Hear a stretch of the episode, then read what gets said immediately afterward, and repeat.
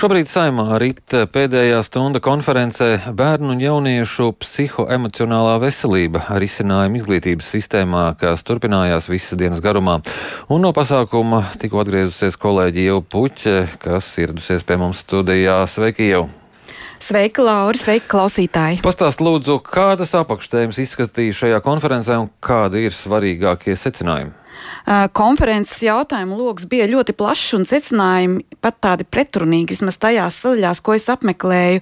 Neizskanēja analītiski un konceptuāli risinājumi, bet gan vairāk tāda filozofiska un reflektējoša pozīcija, kas tās dalībniekus, konferences dalībniek, dalībnieks noteikti iespēdoja tālākām pārdomām.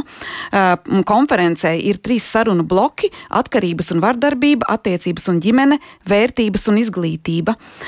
Pirmajā sadaļā pārdomas ļoti raisoši Īpaši bija slimnīcas ģintermuiža narkoloģis Lilitas Saunis uzstāšanās, kur iepazīstināja ar jaunākajām tendencēm savā pāraugāmajā jomā, un tās ir smēķējumu maisījumu atkarības, varbūt nekas tik jauns, kā arī viņi sniedza statistiku, ka 10 līdz 20 bērnu, procentu bērnu un pusauģu pasaulē tiek novēroti psihiski un uzvedības traucējumi, un Latvija nesot um, izņēmums.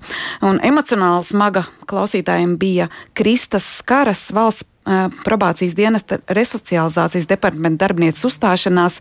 Viņa strādā ar bērniem un jauniešiem, kas ir nu, jau nonākuši konfliktā ar likumu. Lūdzu, klausieties fragmentu. Ja runājam par probācijas novērošanu, tad te jau mēs varam satikt bērnus no 11 gadu vecuma. Tad vidējais vecums, jā, tur 12, 13 gadi šobrīd ir ļoti izteikts grūtības regulēt emocijas. Un te varbūt arī tāds mīts, ka tie ir bērni, kur ārdās, bļaustās un nespēj savaldīties. Tas, ko mēs redzam realitātē, tie ir bērni, kuri vispār nespēj izrādīt emocijas. Viņi neizrāda neko. Nevar pat nolasīt, kā viņi jūtas un ko viņi domā psihologi, nevalstisko organizāciju pārstāvji, uh, uzstājās ļoti dažādi cilvēki.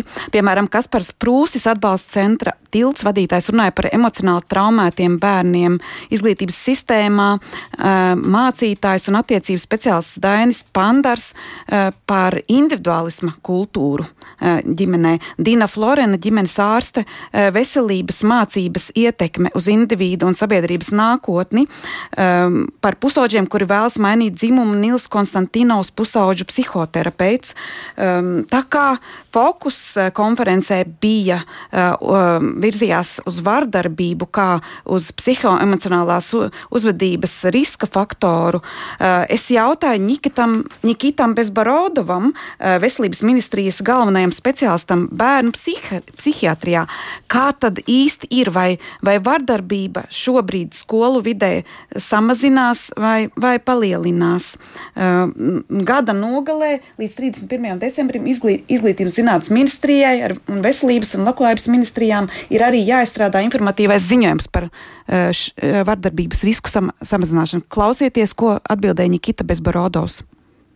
Uz šo jautājumu atbildēt īsti nevar, jo mums vienkārši trūks datu, uz ko balstīties. Bet, eh, ja mēs eh, tā globāli skatāmies uz pasaules vēsturi, tad eh, mēs zinām, ka mēs kā suga laika gaitā kļūstam mazāk vardarbīgi. Atkal statistiski runājot, pa simts gadiem skatoties, ir mazāk karu. Un, ko, protams, ka pašreizē situācija tā grūti noticēt, ja ņemot vērā karu Ukrainā. Tas, kas droši vien mainās, ir mūsu kā sabiedrības tolerance pret vardarbību. Un tā ir laba ziņa. Probācijas dienesta darbiniece minēja, ka riska grupā galvenokārt ir zēni. Arī probācijas dienas pamatā strādā ar zēniem.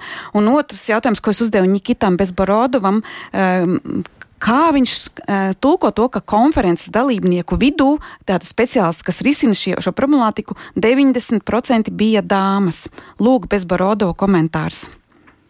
Protams, ka mēs gribētu redzēt uh, vairāk vīriešu, kas strādā par pedagogiem. Es labprāt redzētu vairāk vīriešu ārstus, ja tad uh, bērnu psihiatrus. Un ir nu, kaut kāda globāla sociāla problēma. Vēsturiski tā ir izveidojusies droši vien, ka tas tāds bišķiņš asti no padomju laikiem un sistēmas. Ja tad kā, nu, vīrieši šīs palīdzošas profesijas izvēlas mazāk un nu, ļoti žēl. Vajadzētu vairāk. Arī konferences šobrīd, acīm redzot, tuvojas nobeigumam, un gada izskaņā mēs gaidīsim šo informatīvo zino, ziņ, ziņojumu par vardarbības risku samazināšanu. Ļoti, ļoti ceram, ka tiešām šim plašajam pasākumam būs arī kāds tiešām derīgs grauds. Par bērnu un jauniešu psihonomālās veselības risinājumu izglītības sistēmā un tā veltīto konferenci stāstīja kolēģi Iela Puķa.